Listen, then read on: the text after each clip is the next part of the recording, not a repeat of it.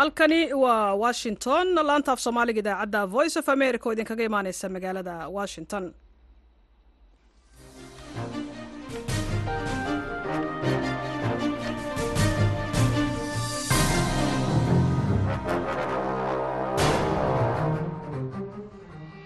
waa fiidnimo talaado ah bisha agost ee sanadka kana waa sideed waxaad naga dhagaysanaysaan mawjadaha gaagaaban ee lix iyo tobanka iyo sagaal iyo tobanka mitrban iyo bogga v o a somaly com. Saacadda afrikada bari waa toddobadii fiidnimo idaacadda caawi dunidana. Waxaa idiin daadixinaya aniga ah caasho ibraahim aadan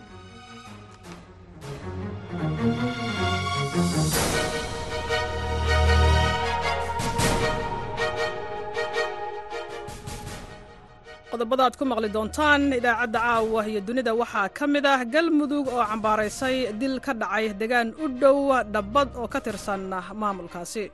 Runtii arrintaasi waa run runtii aan ka tacsiyeynayno aadna murugo iyo xanuun noogu haysaa waa arrin la xidhiirta aanooyin qabiil oo mararka qaar ka dhaca deegaanada galmudug iyo guud ahaan soomaaliyaba waxaa sidoo kale aad maqli doontaan warbixinna ku saabsan wariyaasha ka howlgala magaalada laascaanood wariyaashii waxna naftooday la carareen waxna meelo kale iska aadeen. Warbaahin badan baa jirto dhibaatooyin soo gaadhay maadaama aysan jirin in warbaahinta aan la diiwaan gelin aanan laga warhayn. Waxaa ma jirton cid u qareemaysa wariyaha dhaawacma wariyaha dhinta ama wariyaha dhibaata soo gaadhana. Waxyaalaha badan rabna inaan ka shaqeyno sidii wariyuhu ay u qadabka badqabta sida goobaha dagaalka aga soo warrami lahaayeen. Qodobadaasi iyo warar kale oo ku saabsan soomaaliya iyo caalamka ayaan idin haynaa. Intaasoo dhan waxaa ka soo horreeya warka caalamka oon idin akhriyo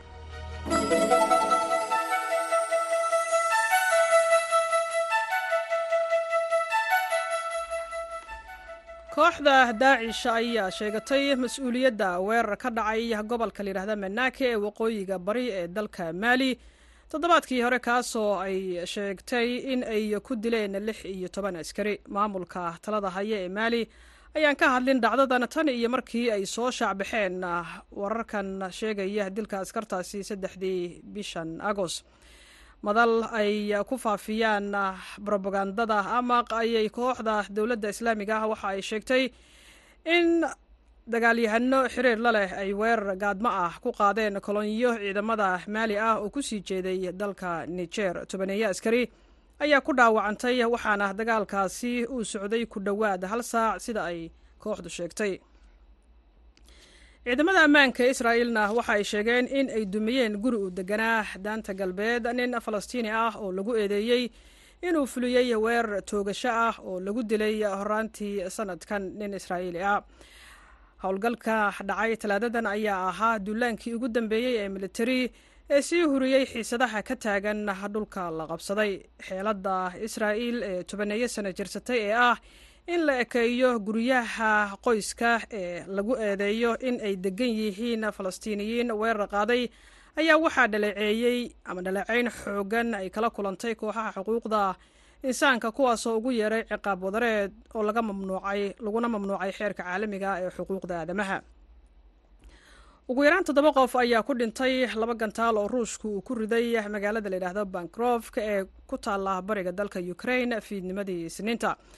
Waaxda amniga ee ukraine ayaa waxa ay sheegtay isniintii in ay xirtay xog ogaal u dhashay dalka ruushka oo damacsanaa in uu dilo madaxweyne valadimir zelenski xilli uu booqanayay gobolka mikolif ee waa bisha julaay intii lagu jiray wasiirka arrimaha dibadda ee ukraine dimirto koleba ayaa waxa uu ka codsaday a t a c m c gantaalada riddada dheer mar uu telefoon kula xiriiray isniintii dhiggiisa maraykanka antony blinken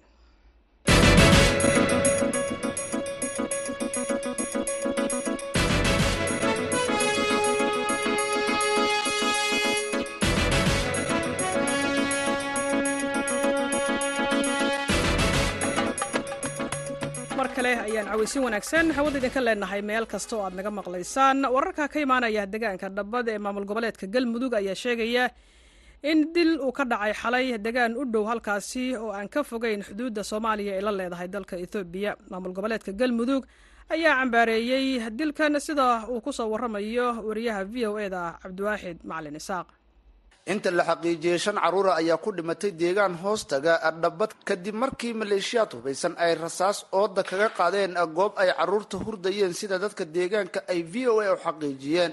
Qaar ka mida waxgaradka deegaanka oo diiday in dhacdadan ay ka hadlaan ayaa v o a u sheegay in weerarka uu dhacay saqdii dhaxaa xalay islamarkaana ay ku baraarugeen dhacdadan ka dhacday deegaankooda wasiirka wasaaradda warfaafinta dowlad goboleedka galmudug abshir cabdi shiikow oo v o a la hadlay ayaa sheegay runtii arrintaasi waa run runtii aan ka tacsiyeynayno aadna murugo iyo xanuun noogu haysaa waa arrin la xiriirta aanooyin qabiil oo mararka qaar ka dhaca deegaanada galmudug iyo guud ahaan soomaaliyaba. Arrintaasna markay soo gaartay dowladda galmudug tallaabooyin ayay qaaday insha allahu tacaala niyiskeeda iyo wax ka qabashadeedana waktiyada soo aadan ayaad maqli doontaan biidnillah waxa dowladdu naf dhacday sooma celin karto laakiin waxay samayn doontaa biidnillahi karin inay la xisaabtanto dadkii dhibaatada geystay kulana xisaabtanto sharciga iyo sida uu qabo maaragtay qaanuunka u degsan dowladdu. Marka dowladdu waxay ku qasban tahay inay jawaab degdega ka bixiso arrintaas waana ka bixinaysaa hawsheedana waa lagu jiraa. Wasiir abshir ayaa sheegay in dadaalo nabadeed lagu xallin karo dhacdooyinka ku soo laalaabtay deegaanadan ee u dhexeeya dhinacyada halkaa wada degan sidaad og tahaba galmudug waxay mar walba u taagan tahay inay nabadayso. Meel kastoo dhib ka dhaco. Deegaanadana waxaa ku soo laalaabtaa dagaalo yaryar oo la xiriira dhinaca daaqsimaha daaqsinka ceelasha iyo waxyaalaha lamidka ah. Waxaa maalmahan dambe soo ziyaaday arrin kale oo runtii ay mas'uul ka yihiin ama gadaal ka riixayaan nimankan argagixisada ah oo ay isku dirayaan beelaha deegaanadaas ka degan si ayaga looga mashquulo. Marka arrintaasoo runtii dowladduna ku baraarugsan tahay shacabkuna ay riboodyada soo gudbiyeen. Marka waxaan isleenahay waa arrin cusub oo dowladdu la tacaamulayso bil kadibna insha allahu tacaala in al-shabaab aan la arki doonin deegaanadan wax isku dira ama iska horgeeya bulshada reer galmudug aan rajaynayna sidee wax looga qaban karaa dhacdooyinkan soo laalaabtay dabcan dowladdu mas'uuliyadda saaran waxay tahay inay shirar dib heshiisiina sida aada ogtaaba hadda shirar dib heshiisiina ayaa la qabtay meelo badan laga fuliyey lagu nabadoobay lagu liibaanay marka haddana dib heshiisiintaas unbaa loo mari doonaa dowladduna waxay leedahay cudud maanta ay ku kala dhex geli karto oo ay ku dadkaas kula xisaabtami karto marka maalin ay ka habboon tahay maanta oo dowladdu tallaabo qaadi lahayd ma jirto inkastoo muddo lagu howlanaa sidii xal waara looga gaari lahaa dhacdooyinka ka dhaca deegaanadan ee u dhexeeya dhinacyada halkaa wada degan haddana laguma guulaysan oo waxaa mararka qaar dhaca dilal salka ku haya aana qabiil lahaanshaha dhuldaaqsimeed ku yaalla deegaanada. Ha yeeshee galmudug ayaan ka quusan sidii xal waara loogu heli lahaa dadka halkaa wada degan cabdiwaaxid macalin isxaaq v o a gaalkacyo mahadsaned cabdiwaaxid haddaba dilkan ayaa dhinaca kale wariyahayaga magaalada muqdisho cabdicasiis barrow waxa uu ka waraystay bashiir cabdiraxmaan xaaji gurxan oo horey u soo qabtay xilal heer maamul goboleed ah iyo sidoo kale mid federaal xogna ka helay sida ay wax u dhaceen xilligana ku sugan magaalada muqdisho. Arrinta xalay wakhti dambe dhacday arrin soomaaliya oo dhan ka naxday oo aafaa oo naxariis la'aana oo arda dugsileeya habeenbarkii iyagoo hurda intii la soo beegsaday basuuka lala dhacay baa halkaa ka dhacday. Muxuu ahayey arrintaas arrin laga gami waayo oo laga seexo waayo weeye. Arrintaas muxuu ahayey ma dhihi karno carruur yaryara oo saddex iyo toban jir baa ugu weynaa sideed jir baa ugu yaraa waa shan wiil bay ahaayeen. Waa aana qabiil lama dhihi karo. Waxa weeye birmigeyd ay ahaayeen dugsiley bay ahaayeen muxuu ahayey dad abaabulan oo duulaan ah oo gaadmaa oo hameenbarkii dadka muxuu ahaayey dhankaa galmudug ka yimid bay ahaayeen. Waa waamihii iyo wixii awal lagu dhex galay oo socday iyo seeradii loo waxeeyey oo bafarsoonka ahaa may ilaalin. Waxa weeye halkaa dhib baa ka dhacay. Waa gartay waxaad ka mid tahay waxgaradka deegaanka ka soo jeeda oo labadii dhinac bulshadana waawaantoodii ka shaqaynayay maxay kula tahay in dadka deegaanku weli u dagaalamayaan idinka waawaantiina ka shaqeeyay? Maxay tahay in xalka aan weli la gaarin? Dadka deegaanku waxa weeye noocyada la isku lay jiray oo awal ay ahayd mataqaanaa ceel iyo biyo iyo daaqsin tan waa ka duwan tahay. Tan waxa weeye meeshii ugu dambeysay oo aan dhaqan soomaaliga ku jirin dagaal ah weeye waxa weeye dowladda federaalka tii horo farmaajo iyo tanba arrintaas oo socotay ilaa konton iyo dhowr sano wax laga qabtay iyo wax la isku dayay iyo wax sheegaya midna lama arko. Waxaad ka mid tahay dadka arrintan bartay in dadka waanwaan loo sameeyo oo la xaliyo siyaasina waa tahay aqoonyahan oo deegaankii ka soo jeeda. Maxay tahay taladaada si wax dambe oo dhibaato aysan deegaanka uga dhicin? Maxaa la samayn karaa? Hawey haddaan instituushinada dowladeed ama federaalka ama dowlad goboleedku haddaysan ayadu culays weyn saarahayn oo iskuday iyo juhdi iyo dadaal iyo xal aysan ka keenahayn oo xal cadaalada aysan ka keenahayn. Meeshaan waxaa anaga noo muuqata nabaddu waxay ku timaadaa haddii wax yaroo iftiin cadaalada la arko. Waxa weeye wax laskaga aargoosanaya anugu maaqaan waxa weeye waa la dadaalay oo muxuu ahaye mid guud oo riijinka waa laysku yimid shirar waa laysku yimid baferson waa loo waxeeyey. Markii la waxeeyey oo la yidhi halka ayaa la ysku dhaafin saddex beri gudahood baa saraakiishii ilaalinaysay oo monitorinka ahaa baa lagu laayay. Ma la hadasheen marka haddii hadda dhib baa dhacay oo carruur baa la laayay? Inkastoo annaga xogtaan helayno ay tilmaamaysa dhacadan dhinaca soomaaliya inay wax ka dhaceen. Maadaama waxgaradkii aad ka mid tahay mas'uuliyiinta federaalka iyo kuwa galmudug xalka ma ka raadiseen oo ma la hadasheen si dadka dhibaatada gaartay iyo heladooda ay cadaalad u helaan? Horta hore marka hore waxaan cabdicasiiso waxaan u tacseenayaa waa hilmaamay oo arrinta culayskeedii baa ila tagtay waalidiintii iyo ehelkii carruurta maatada oo masaakiinta suuquu qabsaday dadkii dhalay iyo ehelkiiba waa u tacsiyenaya ummadda soomaaliyaadna waa u tacsiyenaya muxuu ahaayey waxa weeye waan isku daynay weligeedna waa la waday. Waxa weeye mar kasta qof u baahan dowladnimay u baahan tahay. Midda kale inteedii nabadda jecleed iyo inteedii mas'uuliyiinta ahayd cidaan nabad ka doonno iyo cid nagala shaqaysa ma hayno. Kaasi waxa uu ahaa bashiir cabdiraxmaan xaaji gurxanna waxa uu magaalada muqdisho ugu warramayay waryaha v o eda cabdicasiis barrow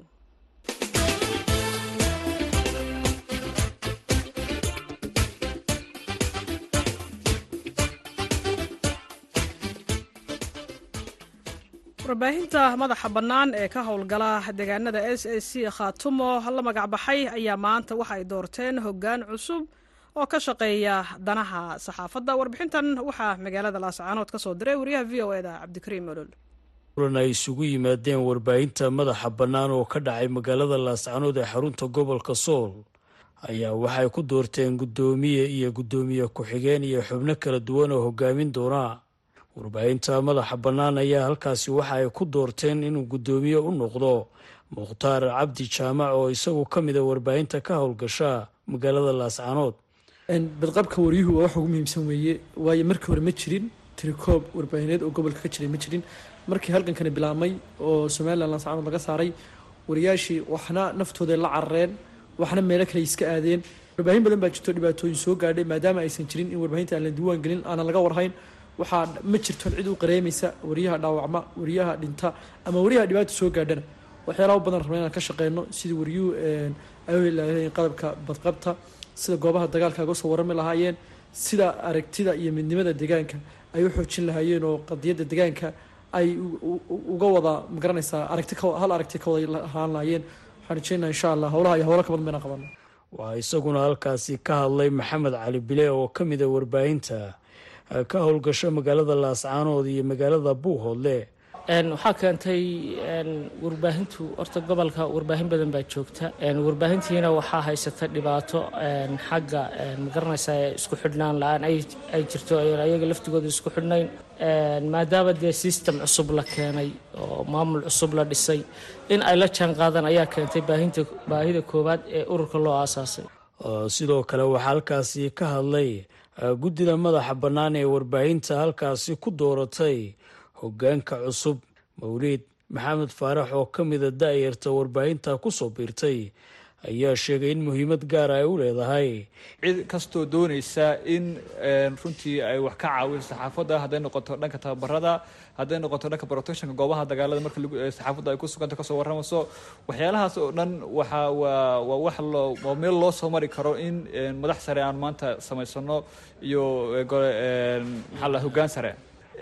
In la sameeyo meel loo soo mariyo hadday noqoto tababarada la bixinayo iyo weliba hadday noqoto in magaalada ay yimaadaan dad kale oo runtii saxafiyiin international ay yimaadaan.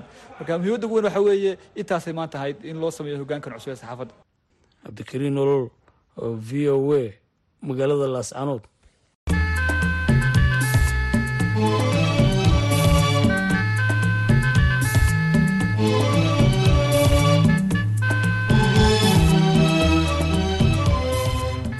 kale caweysi wanaagsan. Meel kastoo ad naga maqlaysaan. Mas'uuliyiinta dowladda soomaaliya ayaa sheegay inuu dhacay howlgal ka dhana al-shabaab oo lala beegsaday tuulada mukayle oo galbeedka ka xigta magaalada buulo burde ee gobolka hiiraan. Warbaahinta dowladda ayaa sheegtay in la bartilmaameedsaday geerash ay yaalaan waxyaabaha qarxa.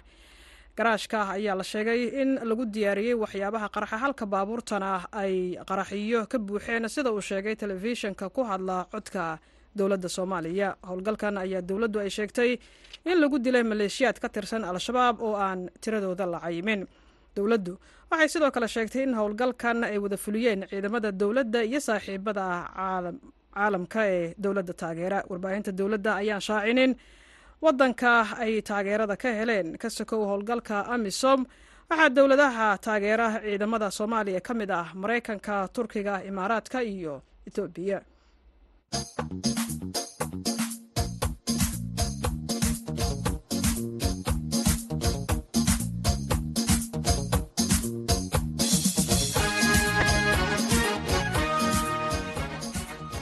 mas'uuliyiin ka tirsan maamul goboleedka hirshabeelle ayaa shalay xariga ka jaray cisbitaalka magaalada ceelbaraf ee gobolka shabeellada dhexe oo dadka deegaankaasi ay si iskutashi ah u dhisteen. Deegaanka ayaa waxaa horey ugu jirtay dhibaato dhinaca adeega caafimaadka sida warbixintan ku eegayo wariyaha v o eda ee magaalada beledweyne xuseen xasan dhaqane.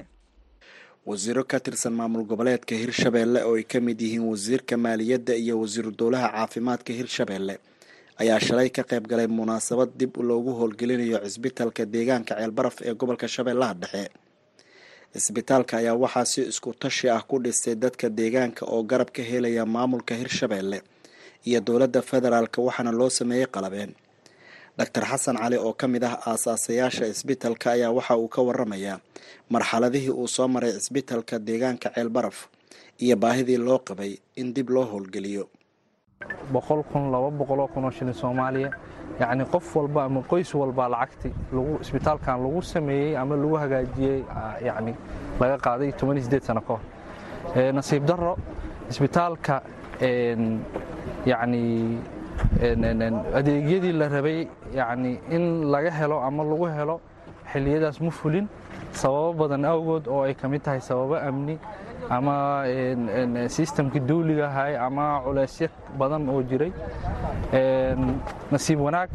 Haddoo aan joogno saddex bishii agoosto ayuu yacni noo dhammaystirmay boqolkiiba siddeetan. Hore isbitaalka haddii aan wax idinkaga sheego hore dhowr adeegyo badan oo qabtay. Kaambeyno ayaa lagu sameeyey dhakhaatiir deegaankan u dhashay ayaa imaan jiray waxay ka samayn jireen kaambeyno ha ahaato indhafiiqis ha ahaato kaambeyno kale oo dadka loogu adeegayo waxay ahayd laakiin si temborary ama goosgoosahay ahayd. Laakiin hadda wixii ka dambeeya agoosto wixii ka dambeeyo rajadayna waxay tahay inuu la furo oo boqolkiiba boqol uu shaqeeyo. Wasiiru dowlaha wasaaradda caafimaadka hirshabeelle doctor muxiidiin macalin mukhtaar oo ka hadlay dib u howlgelinta cisbitaalka ceelbaraf ayaa waxa uu sheegay in kan wasaarad ahaan ay ka shaqayn doonaan sidii bulshada hirshabeelle ay ku heli lahayd adeeg caafimaad. Wasiirka ayaa waxa uu sidoo kale ku ammaanay bulshada ceelbaraf siday isugu tashadeen. Waxaan soo aragnay isbitaalka qaybihiis kala duwan oo runtii ay u dhammaystiran yihiin agabkii loogu baahnaay waxaan rabnaa inaan baraarujinno islamarkaasna ku dhiiro gelinno dadka ku nool deegaankan runtii shaqada wanaagsan ay qabteen. Maanta in dadkii deegaanka oo aan ognaa duruufaha ay ku jiraan iyo shaqola'aanta jirto iyo xaaladaha markaas ay dadka ku maxaan ku idhahda ay heestaba in aysan suurtagelaynin iyaga dadka lamida in ay sameeyaan. Marka runtii deegaano kala duwanaa soo marnay bal degmooyinaan soo marnay oo aanan awoodin ama aanan samaynin isku tashigan ay sameyn dadkan ku nool deegaankan ceelbaraf waxaan leenahay waa runtii aadan kugu maxaan ku idhaahdaa hambalyaynaynaa wasiirka maaliyadda maamulka hirshabelle cabdiraxiin ciise cadow ayaa isna sheegay in bulshada ceelbaraf looga baahan yahay inay sii xoojiyaan isxilqaanka ay muujiyeen ilaashadaanna waxa bulshada ka dhexeeya. Ugu mahad celinaa maanta waxaad haysatiin natiijadii isbitaalkii oo dowladdii hirshabelle maanta ay timiday wasaaradda caafimaadka ay joogto madaxtooyada ay joogto annagoo aan wada joogno aan aragnay dadaalka la geliyey wasaaradda caafimaadkana ay ballan qaaday in kaalmo wixii intaas ka dhiman iyo wixii ka harsan inay insha allahu tacaala ay u dhammaystiri doonto meeshaan iyo deegaanada kaleba oo deegaanka ku yaalla oo baahida caafimaad ay ka jirto. Waxaan rajaynaynaa insha allahu tacaala sidaa horey isxilqaanka aad samayseen weli fari kama qodna isbitaalku dowladdu waxbaa idin tiri kartaa gacan waa idin sii kartaa laakiin waxaad keensateen inaad haysatiin. Bulshada deegaanka ceelbaraf ee gobolka shabeellaha dhexe ayaa dhibaato xoog leh u qabay maqnaanshaha adeeg caafimaad oo deegaanka ah.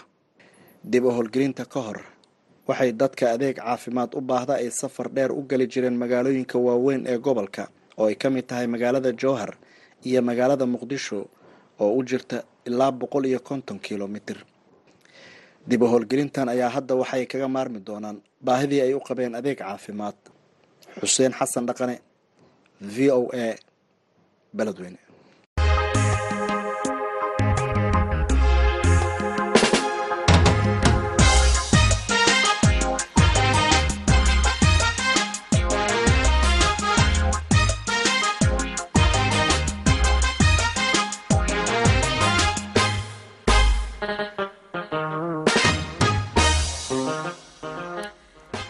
si wanaagsan. Qaxootiga iyo dadka magangelya doonka ah ee ka imaanaya dalka eritrea ayaa waxay soo tabinayaan in xilliga ay ku jiraan.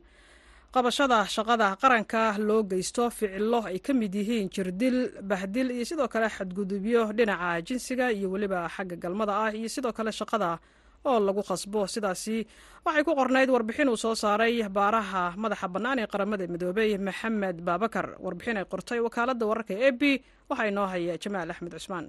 Maxamed baabakar ayaa sheegay in eritrea ay leedahay siyaasad shaqo qaran oo aan la cayimin oo ay ku jiraan qayb adeega rayidka iyo qaybta adeega militariga waxa uu sheegay in ay iska dhiga tirtay baaqyo badan oo ka soo baxay hay'adaha xuquuqul insaanka si loo xaqiijiyo xadidaad sharci ah inta uu socdo adeegan iyo in la ilaaliyo xuquuqda aadanaha ee dhammaan ka qaybgalayaasha inkastoo eritrea ay sii wado barnaamijkeeda adeega qaranka ee sida cadaalad darradahi loo go'aamiyey baabakar waxa uu sheegay in uu sii wado halista warbixinno tiro badan oo lagu kalsoonaan karayo oo ku saabsan ku xadgudubka xuquuqul insaanka marka loo eego adeega qasabka ee qaranka ee dhinaca milatariga diidmada damiirka leh lagama ogola eritrea ayuu yidhi kuwa goostay iyo kuwa baxsanaya ayaa lagu hayaa xarig sharci darro ah iyadoo la gelinayo xaalado ciqaaba oo aad u sarreeya. Qaarkoodna waa la waayaa kuwana waa la jirdilaa ayuu hadalkiisa sii daba dhigay. Kooxaha xuquuqul insaanka ayaa eritrea ku tilmaama mid ka mid ah waddamada adduunka ugu cadaadiska badan tanii markii xornimada ay ka qaadatay etoobiya soddon sano ka hor dalka yar ee geeska afrika waxaa madaxweyne ka ah siyaas afwarki oo aan weligiisa qaban doorasho. Babakar ayaa sheegay in afwarki uu diiday in la dhaqangeliyo dastuurkii dii uuna dalka ku maamulo iyadoo aan sharciga lagu dhaqmin islamarkaasina aysan jirin awood qaybsi hubin ama dheelitir ama caqabado ku ah awooddiisa. Baaraha gaarka ah ayaa sheegay in waraysyadii uu la yeeshay magangelyadoonka eritreyaanka iyo dadka qaxootiga ahi ay tilmaamayaan in shaqada qaran ee milatariga aan la cayimin ay tahay waxa ugu weyn ee dadkaasi ka soo saaraya waddankooda eritrea barnaamijka adeega qaranka oo sida muuqata loo dejiyey in lagu horumariyo qaranka ayaa ficil ahaan wiiqaya horumarka iyadoo lagu qasbayo dhallinyarada inay dalka ka baxaan. Babakar ayaa ku yidhi warbixinta golaha guud ee qaramada midoobay ee ka hadlaysa muddada labiyo tobanka bilood laga bilaabo afar iyo labaatankii abril. Warbixintan ayaa la faafiyey maalmo kadib markii xaflad dhaqameed loogu magacdaray eritrea oo ka dhacday xaafad ku taalla magaalada stockholm ay isku beddeshay rabshado. Kadib markii ku dhowaad kun qof oo dibadbaxyaala oo ka soo horjeeda dowladda eritrea ay gudaha u galeen xafladda waxaana ku dhaawacmay ugu yaraan laba iyo konton qof sida ay sheegtay warbaahinta dalka sweden. Dalka sweden waxaa ku nool tobannaan kun oo qof oo asalkooda eritrea ka soo jeeda.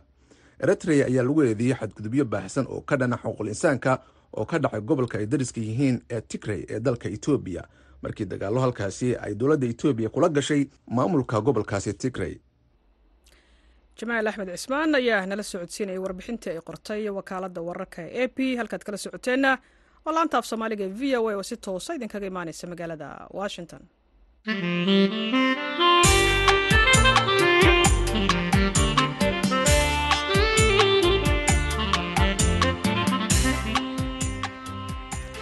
mar kale hayaan caweysiin wanaagsan hawada idinka leenahay meel kasta ood naga maqlaysaan wararkan iyo warbixinadanna waxay idinkaga imaanayaan laanta afka soomaaliga ee v o a. Fadhigii maanta ee golaha wakiilada ee somalilan ayaa xildhibaanada golaha qaarkood waxa ay soo jeediyeen in golahu uu guda galo xeerarka doorashooyinka ee qabyatirka u baahan.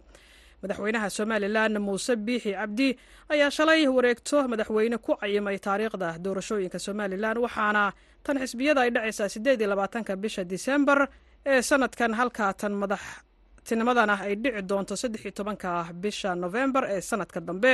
Warkan waxaa magaalada hargeysa ka soo diray wariyaha v o eda khadar maxamed cakulle.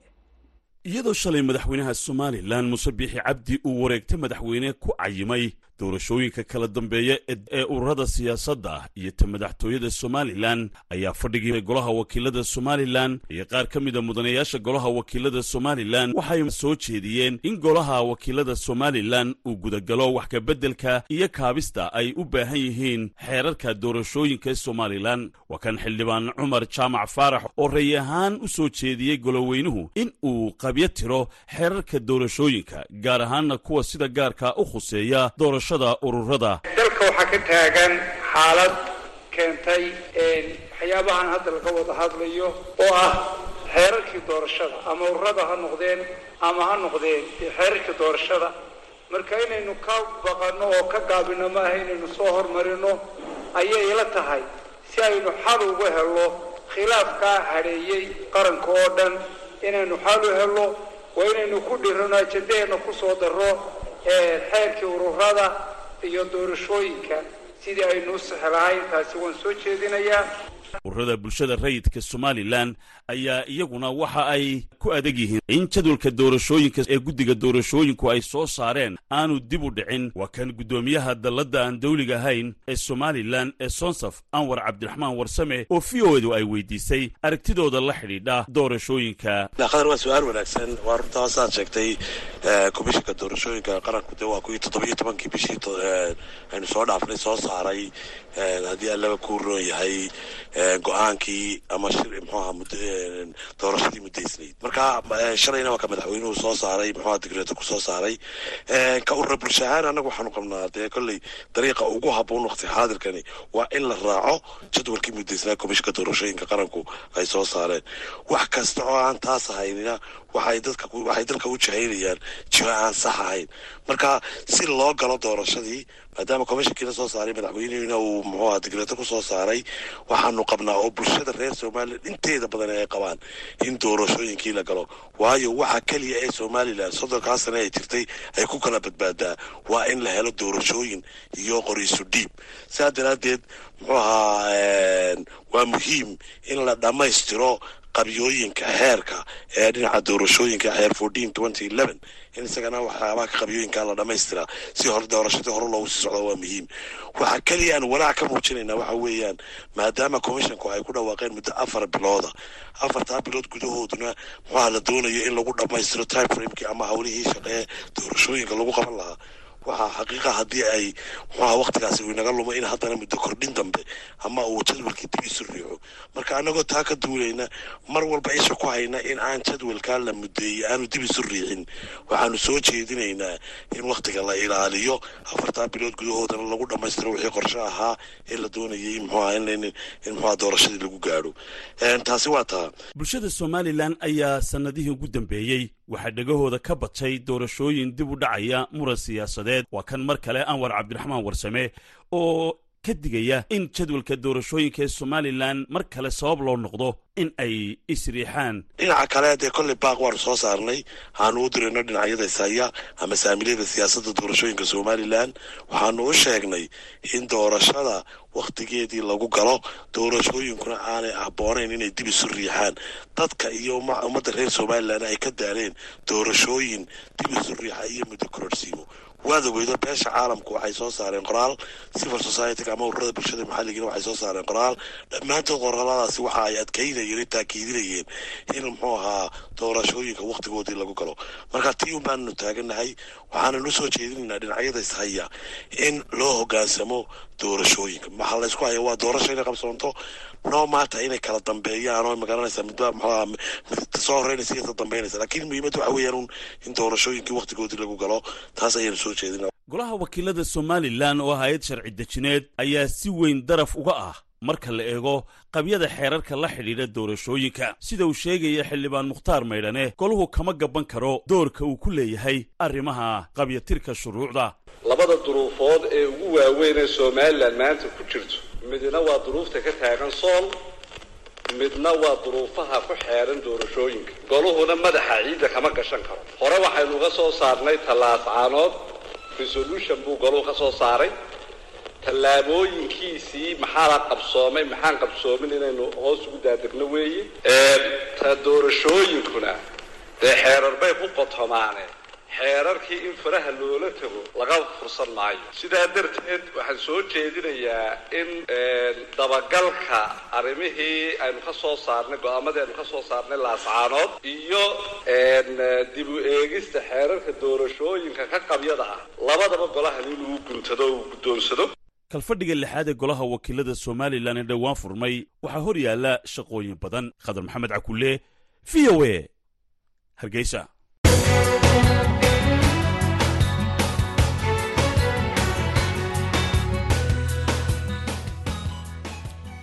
Xukuumadda shiinaha ayaa baahisay warbixin muuqaal ah oo ka tarjumaysa diyaargarowga ciidamada shiinaha sida ay awoodda ugu leeyihiin inay weeraraan jasiiradda taiwan ee shiinuhu uu ku doodayo inay tahay degaan ka mid ah dhulweynaha dalka shiinaha.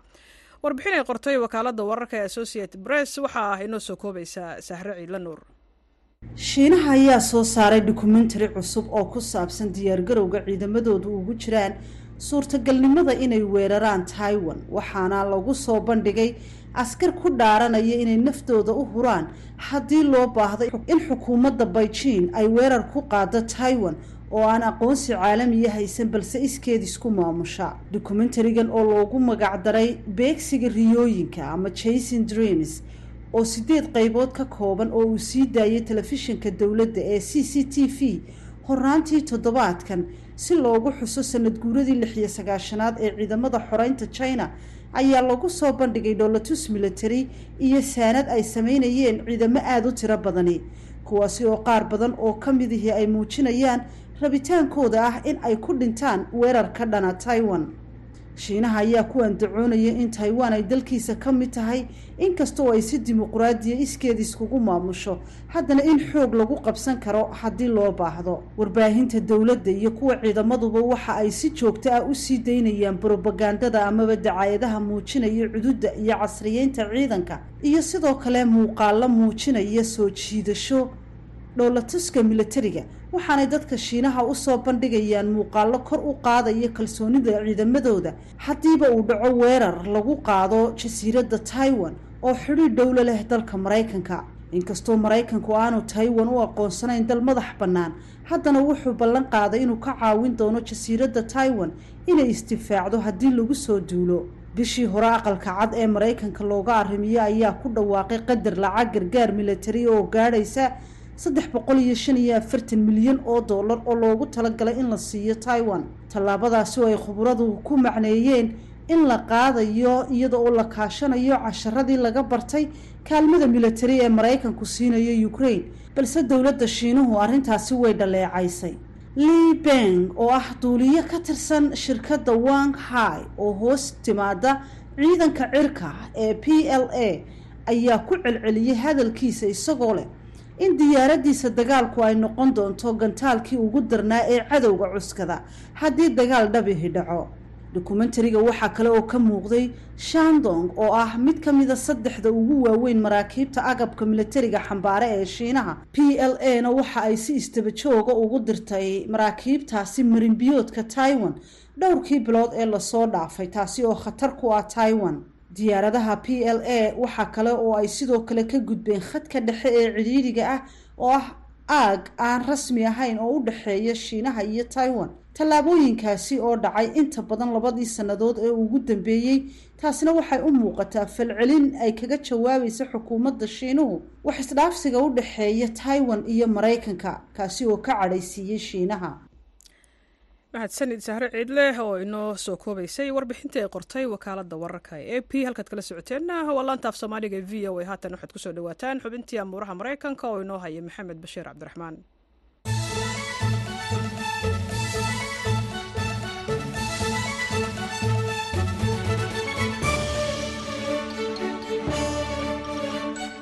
Kusoo dhowaada dhegaystayaal barnaamijka umuuraha maraykanka toddobaadkanna waxaynu ku eegaynaa xulka kubadda cagta gabdhaha maraykanka oo laga reebay koobka adduunka ee dumarka ee ka socda dalalka awstareeliya iyo new zealan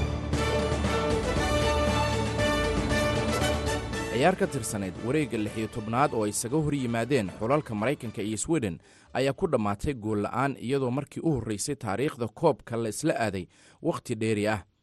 Markii ay labada koox midkoodna dhalin weysay wax goolal ah ayaa rigoorayaal loo dhigay halkaasi oo ay sweden shan iyo afar kaga badisay xulka gabdhaha maraykanka koobka adduunkana ka reebtay.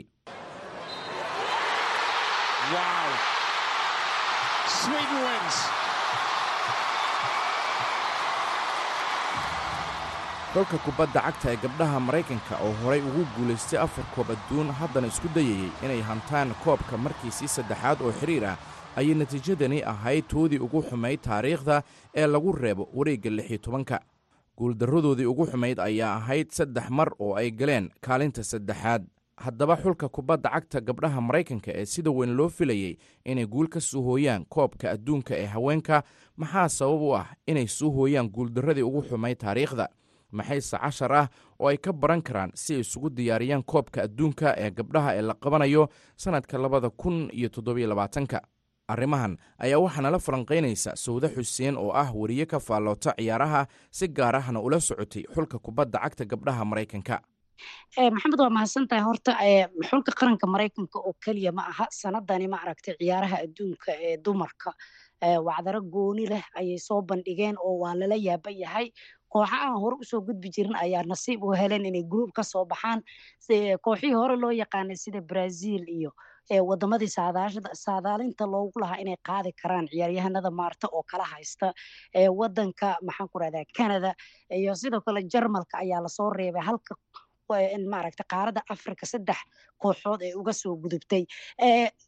Sida maaragta saadaal badan hore loolahaa waxay maraykanka ka mid ahaayeen kooxaha ma aragtay looga cabsi qaba inay koobkan ku guuleystaan waxa uu nala qolahaa markoodii saddexaadoo isku xiga inay qaadaan.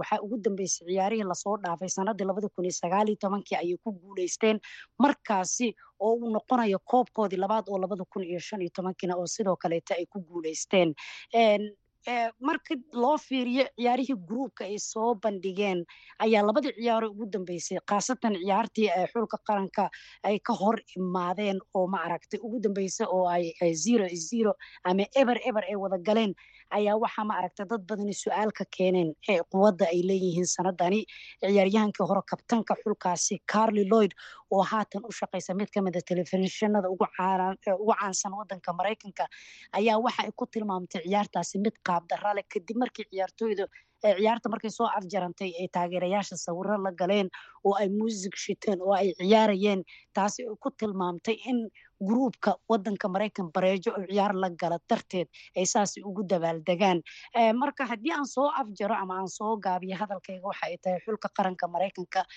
filashadii lalahaa maaragtay waa uu soo bandhigi doonaa ma ayna la imaanin. Guuldaradani sweden ay kala kulmeenne taas ayaa ma aragtay loo badinaa oo dadka badi waxa islahaayeen haddii maraykanka hore la yaqaanay ay ahaa lahaayeen. Ciyaartan sweden waxaa laysdhihi laha waa ay badi karaan laakiin inta ayba bilaaban ciyaartani dadka saadaasha boqolkiiba konton ayay siinayeen maraykanka inay badin karaan. Marka waxaa la leeyahay waa markii ugu horreysay oo maraykanka wareegga lix iyo tobanka koox lagu soo reebo. Marka guuldaradan ay sanadkan wajaheen maxaad is oran kartaa waa ugu wacan tahay? Haddaad qiimayso kooxda.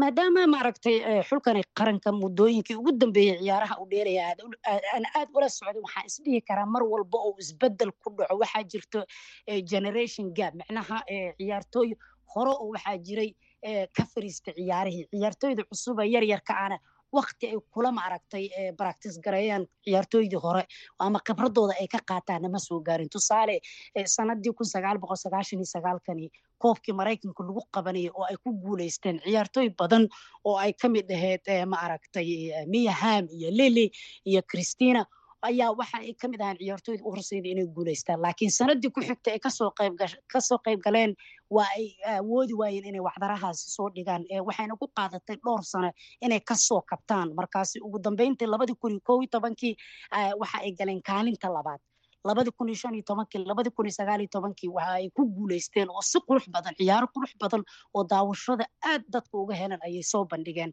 Marka maadaama ciyaarihii ugu dambeeyey sida carli lloyd hore aa u sheegay oo weeraryahan ahayd oo maaragtay kubad farsameeye ahayd ay ka fariisatay waxaa kaloo jirtay abi wambag oo iyadana ka fariisatay. Inkastoo megan rabino ay ka qayb qaadanaysa tartankani ciyaaraha inta badan gadaal ayaa laga soo gelinayay. Alex morgan oo weeraryahana oo dadka ay islahaayeen waa ay ka faa'iideysan doontaa fursadani joogtada ee heshay kama aysan faa'iideysanin qadka dhexe ciyaaryahan waxaa jirtay ciyaartani ciyaartii ugu dambeysay oo ay dheelayeen bortuqiiska ciyaartii ay eber eberka la galeen kaarka cas ama kaarka yalowga la siiyey taasi oo keentay in ciyaartani ka maqnaato larose sidaas darteed ayaa keenayso dadka hadda waxay isleeyihiin tan waaba dhacay ciyaarahan adduunka waaba dhammaadeene kan xigo ee soo socdo miyay ka soo kaban doonaan sanada labada kun iyo labaatan iyo toddobada? Marka sidaas aad ka dhawaajisay dad badan ayaa ku niyad wanaagsanaa tiimka gabdhaha ee maraykanka marka loo barbardhigo tiimka ragga ee koobka adduunka ka qayb gala oo mar walba khasaaro dabcan soo hon jiray. Marka maxaad is leedahay hadda cashar ah way ka baran karaan koobka adduunka ee ka dhacay new zealand iyo australia oo afarta sano ay soo socota ay isku diyaarin doonaan kooxda gabdhaha maraykanka wax badan ayay isku diyaarin doonaan oo wadanka maraykanka saan la socono kubadda cagta weliba khaasatan dhanka dumarka. Waa aad ayaa looga jecel yahay horyaalkooda maaragtay dadka aad ayay haatan ula soo qabsanayaan maaragtay jaamacadaha oo kaleeto meelaha kalaabyada maaragtay laisugu imaado oo maaragtay kooxaha ka jira magaalooyinka kala duwan kooxo badan oo fiican ayay leeyihiin. Laakiin waxay ku xirnaan doontaa weliba xataa su'aal ka taaganta in tababaraha xilkani sii hayn doona iyo in kale taasi ayaan u horseedi doonto haddii maamulka la bedelo ma sidaan ayay ku sii socon doonaan ciyaartooy badan waxaa jira haatartan kooxda ay ku soo dareen sida ma aragtay maxaan ku rahdaa ciyaaryahanka numberka shanta u wadato oo heera oo ciyaaro fiican ka qayb qaadanin. Marka ma waxaa lees dhihi doona ciyaartooydii hore ee megan inkastoo ay ku dhawaaqday inay ka fariisan doonto ciyaarahan adduunka. Ciyaartooydan hadda waayeelka noqda ama duqoobay kulli ma iska reebi doonaan ciyaartooy yaryara oo ma aragta wada cusub ay la imaan doonaan mase waxay isku dayi doonaan in labadaba ay isku keenaan. Taasi horta su'aasha ugu weyn waa taas maamulka ayaana laga yaabaa maaragta go'aankaasi inay qaadan doonaan. Laakiin sida ugu fiican aniga ahaan haddii aan fiirin waxay noqon doontaa in kooxdani ay la imaadaan ciyaartooy wada cusub oo ma aragtay baahi u qabo ciyaarista ciyaaraha adduunka. Sawda marka haddii aad qiimayso bal kooxaha isku haray iyo cidda aad is leedahay sanadkan rajada ugu wanaagsan ayay leedahay koobka kubadda cagta ee gabdhaha adduunka waa mahadsan tahay horta xulka qaranka ee jaban oo asagana maaragtay wacdaro aad u soo bandhigay oo mar walbana loo saadaaliya qaadistiisa ayaa weli socdo. Ciyaarta ugu xiisaha badan ee marka laga soo gudbay gruupka waxa ay noqonaysaa faransiiska iyo morocco oo ma aragtay u dhigantay ciyaartii samafinalka ciyaaraha adduunka ragga sanadii hore oo dhex marta oo kale ayaa labadani kooxood wada wada ciyaari doonaan saadaashara waxay tahay inkastoo faransiiska ay xul aad u adag xulka morocco oo markii ugu horreysay ka soo gudubtay gruupka ayay is arki doonaan nigeria ingiriiska ayay wada ballansan yihiin waxaana haatan soo gudbay spain xulka netherland jaban iyo xulka sweden aad bay u mahadsan tahay sawde xuseen oo ah weriye ka faalloota arrimaha cayaaraha oo iyadoo ku sugan magaalada colombos ee gobolka ohaayo khadka telefoonka iigu warramaysay. Barnaamijka umuuraha maraykanka oo aan ku soo qaadanay xulka kubadda cagta gabdhaha maraykanka oo laga reebay koobka adduunka ee haweenka ee ka socda dalalka austraeliya iyo new zealan dhegaystayaal toddobaadkan intaas ayaynu ku ekaynaynaa. Waa maxamed bashiir cabdiraxmaan oo idinlaha nabadgeliyo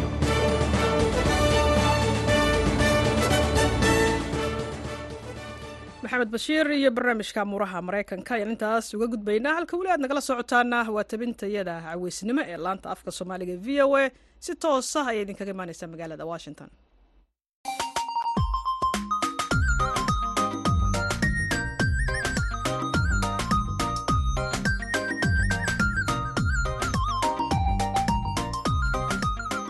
Bandhiga v o a barnaamijka bandhigga v o a waa barnaamij idinku tala gashay laanta af soomaaliga ee v o a.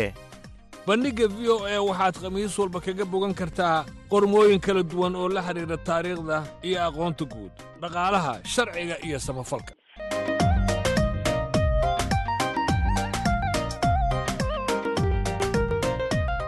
Haddii aad rabto inaad wax ka ogaato taariikhda dunida iyo aqoonta guud ha moogaan bandhigga v o a bandhigga v o e kala soco laanta af soomaaliga ee v o e maalin kasta oo khamiis ah.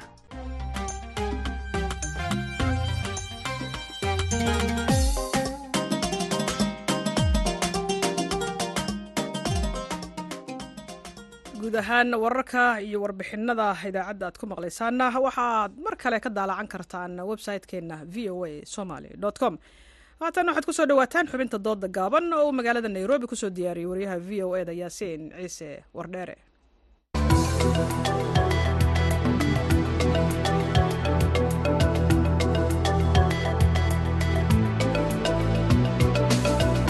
kulanti wanaagsan dhegeystayaal. Waa mar kale iyo barnaamijka dooda gaaban oo aynu ku eegayno soomaaliya. Waxaa la sheegaa in ay ka mid tahay waddamada musuq maasuqu uu aadka u sii kordhayo. Sanadba sanadka ka dambeeya ma dowladnimada soomaalida ayaa ku dhisan musuq maasuqa mise xilligan haatan la joogo dunidii oo dhani ay hal tuulo ama hal gobol noqonayso miyuu yahay markaasi wax ka yimid dunida inteeda kale oo aan soomaaliya ku koobnayn waa mawduuca dooda gaaban ay ku saabsan tahay. Waxaa igala qaybgalaya cabdirashiid buulle gooni baakaale iyo cumar maxamed cabdulle. Labadoo waxay joogaan magaalada nairobi. Waxaan ku bilaabayaa cabdirashiid buulle gooni baakaale. Walaalla waa mahadsan tahay yaasiin ciise wardheere idaacadda v o eeda oo danaha soomaalida iyo danta soomaalida ka hadasha waan soo dhaweynaynaa intaas kadib walaale soomaaliya waxaan isleenahay intay xili soo mareysay ilaa two thousandkii dowladnimada labaad la abaabulay ilaa hadda kolba heer bay soo mareysay dowladnimada heer bay soo mareysay.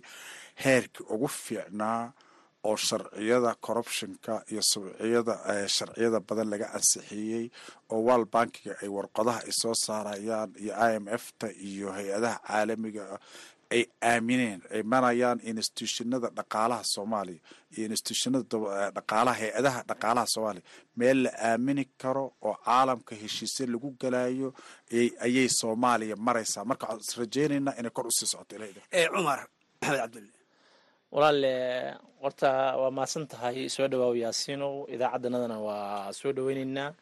Waanu ku faraxsannaha idaacadda v o a waxay ku jirtaa idaacadaha ugu afka dheer marka lagu hadlayo luuqadanada soomaaliya balse intaa markii laga soo tago cabdirashiid waxaan ku kala duwannahay barnaamijka uu ka hadlay ee ah wal bankiga iyo musuq maasuqa iyo qof walbana ra'yu aaminsan yahay ra'yiga aniga aan aaminsanahay in badanoo aan u soo joogayna una soo arkay soona dhegaystay soomaaliya waxay ka mid tahay dowladaha aad loogu eedeeyo corruptionka.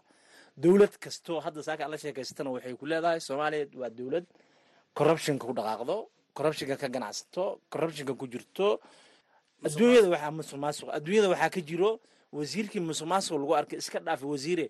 Madaxa ugu sarreeya haddii musuq maasuq lagu arko xilkaa laga qaada. Marka musuq maasuq wuxuu ka yahay qayb safka hore ku jira soomaaliya. Cabdirashiid. Walaalayaasiin soomaaliya horta waxay ka hooseysaa taxta sifir. Zero way ka hooseysaa. Dowladnimadii baa burburay hay'adihii dalkaa burburay hay'adihii amnigaa burburay hay'adihii dhaqaalaha burburay infrastructurkii waxyaalihii kaabayaalka dhaqaalaha burburay saasoy tahay dalka wuxuu marayaa in shaqaalaha dowladda oo tiradoodaba ha koobnaateen mushaarkoodii uu gaaro ciidamada mushaarka la gaarsiiyo shaqaalaha dowladda la gaarsiiyo gobollada min min lowya cadda ilaa iyo ilaa iyo raaskambooni hadda mushaaraad habaysan baa la qaata ama magac biismi maamul goboleed ha lagu bixiyo ama biismi dowladda dhexa ku baxdo oo isku xiran oo waal bankiga shuruucda caalamiga marto.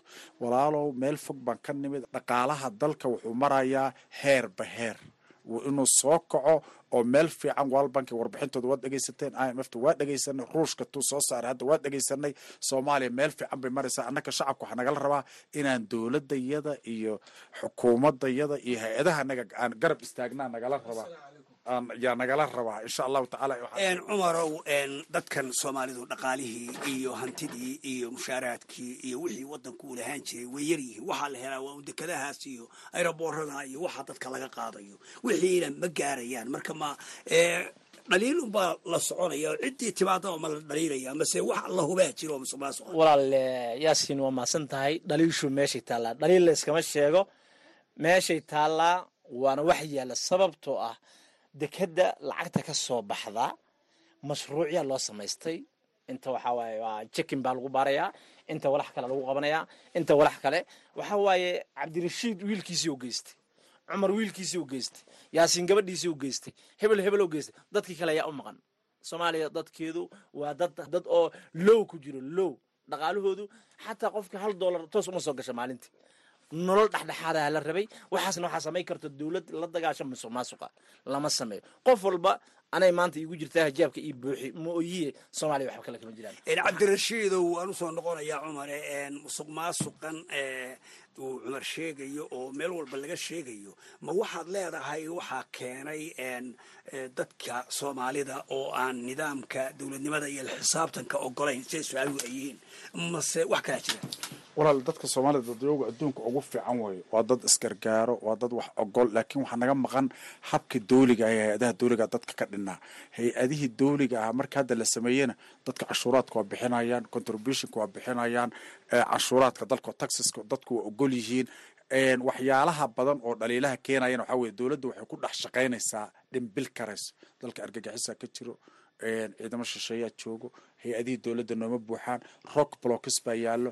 Wax badan oo khalad ah oo noo muuqdo waxaan looga hadli karin oon loo sixi karin ama ay keenayso dadka la eedana meel bay taagan yihiin laleey waxaa keena waxa weeye dalka argagixiso qofkii la aaminayo wixii oo dhan. Walaalow dowladnimada way socotaa gobolladii dowladda dhexe mushaaraadka waa socdaan shirkadihii kumulumaysiga heshiis lala gelayaa rajo badan oo tobankan sano soo socota inaan dalkii dib loogu noqdo aan dalkana maal gashanaa bilaaban doonto ilahay iidankii waana ii muuqata cumar ugu dambayntii sidee xal loo gaari karaa? Maxaa hadlaysaa walaale xalka waxaa loo gaari karaa sideeda dowladnimada in loo yimaado. Dowladda waa la wada leeyahay maogii dowladda dowlad shaksi maaha soomaaliya waxaa la rabaa ninka maskiinka ah oo halka dollar heli kara inuu dowladda leeyahay. Xalku marka waxaa waaye in loo yimaado dowladnimada.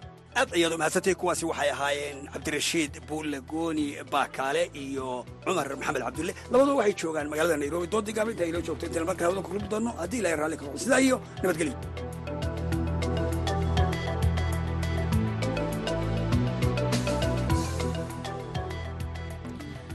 aad ayuu umahadsan yahay yaasiin ciise wardheere iyo xubinta dooda gaaban. Ayaan intaas uga gudbaynaa haatanna waxaan idiin soo qabanayaa heystii beledweyn iyo codka fanaanka xasan aadan samater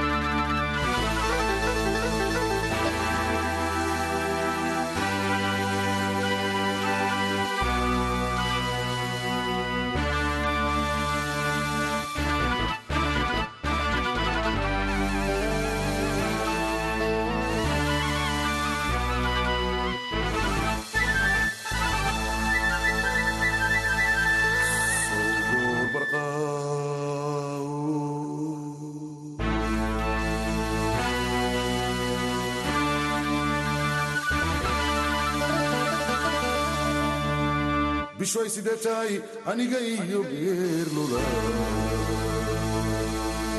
iskumana soo bixin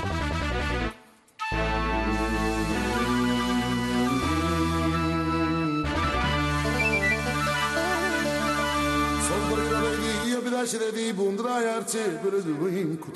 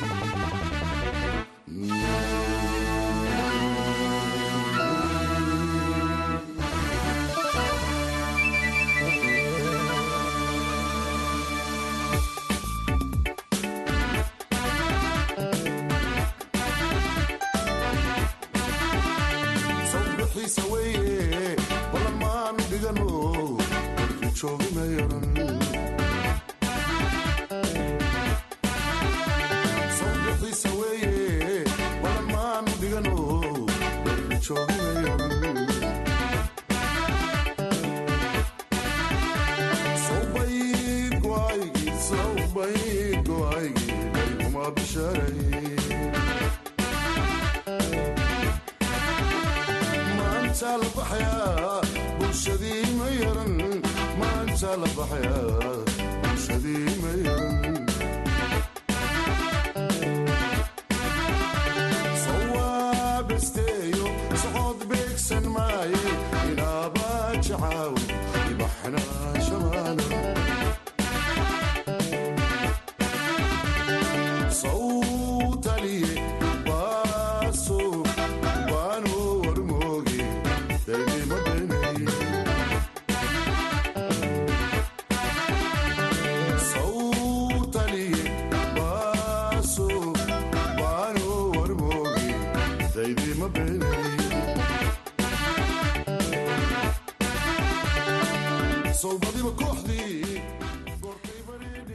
fanaanka xasan aadan samatar iyo heesta beledweyn ayaan ku soo gabagabaynaynaa baahinteennii fiidnimo. Ee laanta af soomaaliga v o a waxaa idila socodsiinaya aniga oo ah caashi ibraahim aadan dhinaca farsamada waxaa u ahaa ismaaciil xuseen maxamed farjar. Intaan mar kale kulmayno nabadgelyo.